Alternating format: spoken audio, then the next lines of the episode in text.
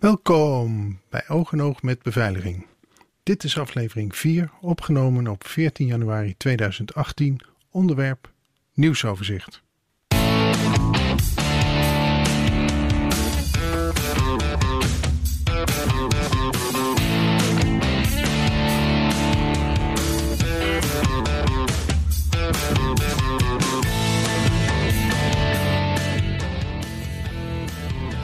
In deze aflevering te snelle processoren, antivirusgedrag, NAS achterdeur, wachtwoorden kunnen we zonder.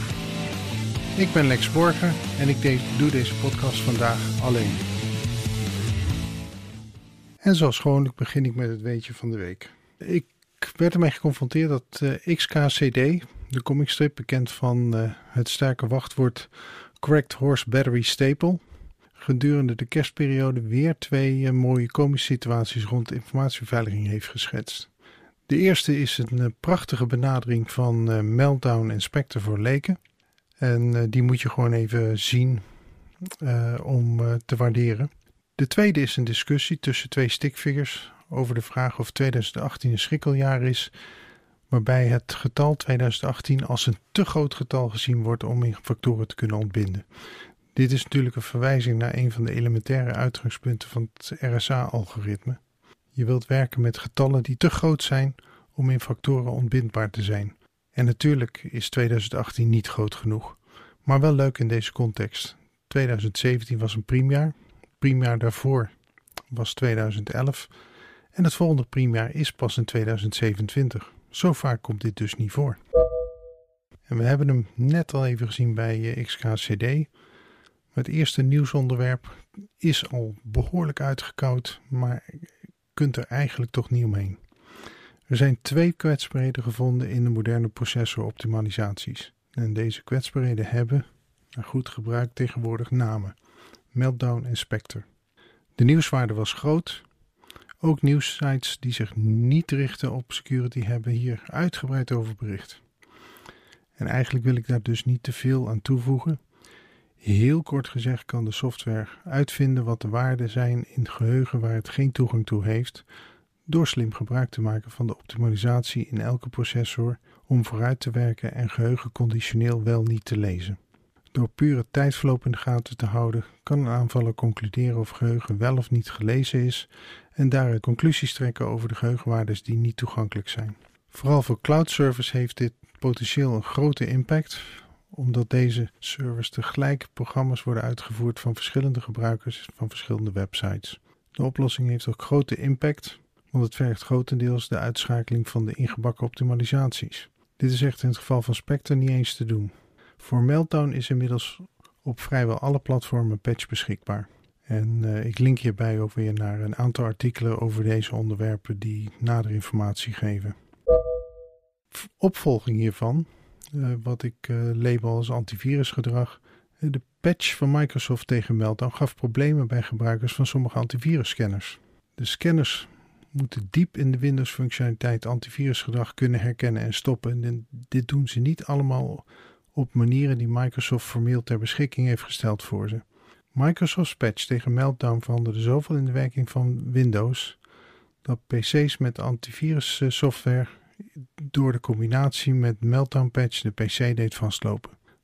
Microsoft moest dus met een spoedoperatie komen om dit te voorkomen. Deze reparatie hebben ze op een opvallende manier uitgevoerd. Als de leverancier van een antiviruspakket getest heeft dat de patch prima samenwerkt met zijn pakket, dan verwacht Microsoft dat het antiviruspakket een specifieke registry key aanmaakt. Microsoft stelt de installatie van patches uit tot deze registry key gevonden wordt. Het idee is dat hiermee voorkomen wordt dat de patch geïnstalleerd wordt in een onverenigbare combinatie met een antiviruspakket. Een hele grote aanname die Microsoft hierbij doet, is dat op elke Windows-PC één en slechts één antiviruspakket draait. Het zijn Windows Defender, het zijn een extern pakket. Doe je het zonder antivirus? Ik ken wat hardliners die daarin geloven. Nou, dan zul je dezelfde registry moeten aanpassen dat vertrouw ik die hardliners trouwens wel toe. Het is alleen maar te hopen dat ze dit bericht van Microsoft snel tot zich nemen. Maar dan heb je nog diegene die bijvoorbeeld vanuit overtuiging of onwetendheid twee of misschien wel nog meer antivirusproducten draaien. Zodra één van deze producten de registry key aanmaakt, is het nog steeds mogelijk dat het andere product nog niet klaar is voor de patch, terwijl deze dan wel geïnstalleerd wordt. Of er gaat iets mis bij het aanmaken van de registry key. Ik kan me voorstellen dat lang niet alle scenario's die zich nu voordoen, allemaal goed doorgelopen zijn bij Microsoft en de antivirusleveranciers. En ik heb al bij leveranciers gehoord dat ze niet automatisch de registry key zullen aanpassen vanwege het risico dat er ook een ander pakket actief is. Al met al, kansen zat dat de PC vastloopt of dat updates niet langer uitgevoerd gaan worden. Ik weet eigenlijk niet wat erger is. Ik hoop dat Microsoft de bevoren staat van de updates goed en begrijpbaar gaat weergeven in het Windows Control Panel en dat gebruikers waar het misgaat op gaat vallen dat er geen updates meer uitgevoerd worden. NAS achterdeur. MyCloud is de merknaam van de NAS-lijn van harddisk-leverancier Western Digital. Van NAS-apparatuur wordt tegenwoordig verlangd dat ze ook allerlei cloud-functies hebben, zodat je via de cloud content kunt ophalen en zelfs je NAS kunt beheren. Western Digital geeft, levert hiervoor de omgeving MyCloud aan.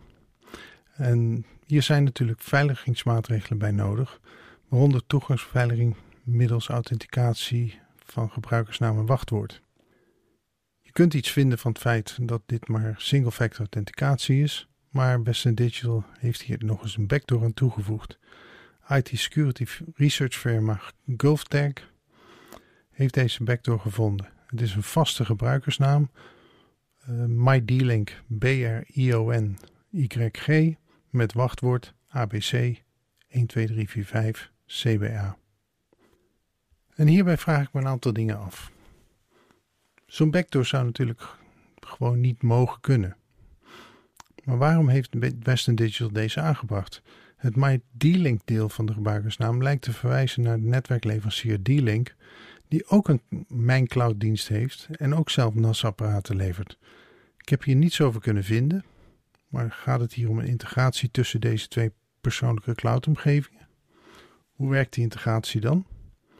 En is dat dan een samenwerking gegaan of is het een eenzijdig initiatief van Western Digital? En dan de sterkte van het wachtwoord. ABC 12345 CBA voldoet helemaal niet aan de eisen die we aan een sterk wachtwoord stellen.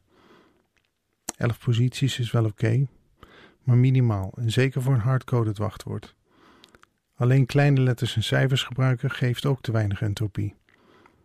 En dan uiteindelijk drie reeksen van opeenvolgende letters en cijfers is ook helemaal niet meer van deze tijd. Laat staan dat je vast begint met de letter A en de cijfer 1. Dat de derde reeks eh, afloopt in plaats van oploopt maakt het echt niet sterker. In eh, de gebruikersnaam naast het uh, MyD-Link deel zit tenminste nog een stukje random letters. B, R, I, O, N, YG. Maar ja, dat is geen onderdeel van het wachtwoord. De makers van deze backdoor en het kwaliteitscontrolesysteem van Western Digital laten in ieder geval zien dat zij onvoldoende begrip hebben van websecurity. En dan heb ik nog een uh, thema wachtwoorden. Nuttig, noodzakelijk of niet nodig. En ik ben de afgelopen paar jaar bezig geweest met sterke authenticatie. En ik vraag me af in hoeverre het eigenlijk al mogelijk is om helemaal van wachtwoorden af te komen. Ik heb hier zelf ideeën over, werk deze graag uit, zoals ik al eerder onderwerpen als security standaarden en blockchain voor beveiligers heb uitgewerkt. Daarbij heb ik de security community nodig als klankbord. Ik zou graag van jullie horen. In welke scenario's is een wachtwoord onontkoombaar? Dus in feite gewoon van, van ja, ik kan me zo voorstellen dat er gewoon nog steeds zaken zijn waarbij je zegt van ja, hier komen we niet onder het gebruik van een wachtwoord uit. En daar hoor ik graag jullie gedachten over. Volgende, in welke scenario's is een wachtwoord eigenlijk niet meer nodig? Er zijn heel veel plaatsen waar wij wachtwoorden gebruiken, maar waarbij uh, volgens mij het wachtwoord gewoon niet echt nodig is. En misschien zelfs het gebruikersaccount niet nodig is of op een hele andere manier gebruikt kan worden. Hoeveel wachtwoorden hoort een gebruiker maximaal te kennen? En hierbij ben ik op zoek naar het aantal wachtwoorden dat de gebruiker dus gewoon uit zijn hoofd hoort te kennen.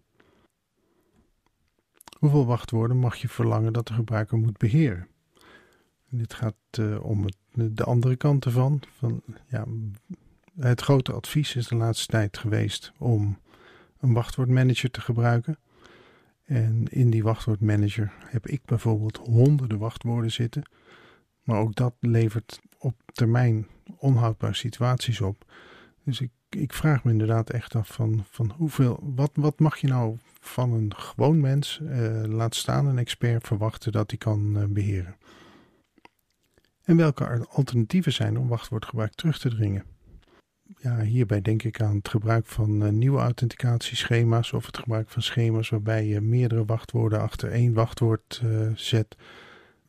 Ik sta helemaal open voor jullie ideeën. Reageren mag.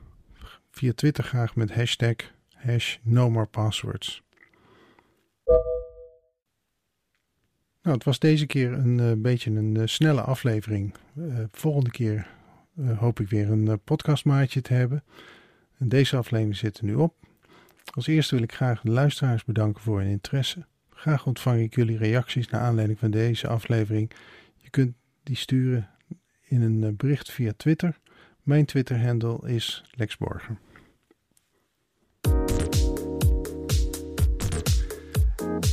En ik ben consultant bij i Onze website is www.i-to-i.nl.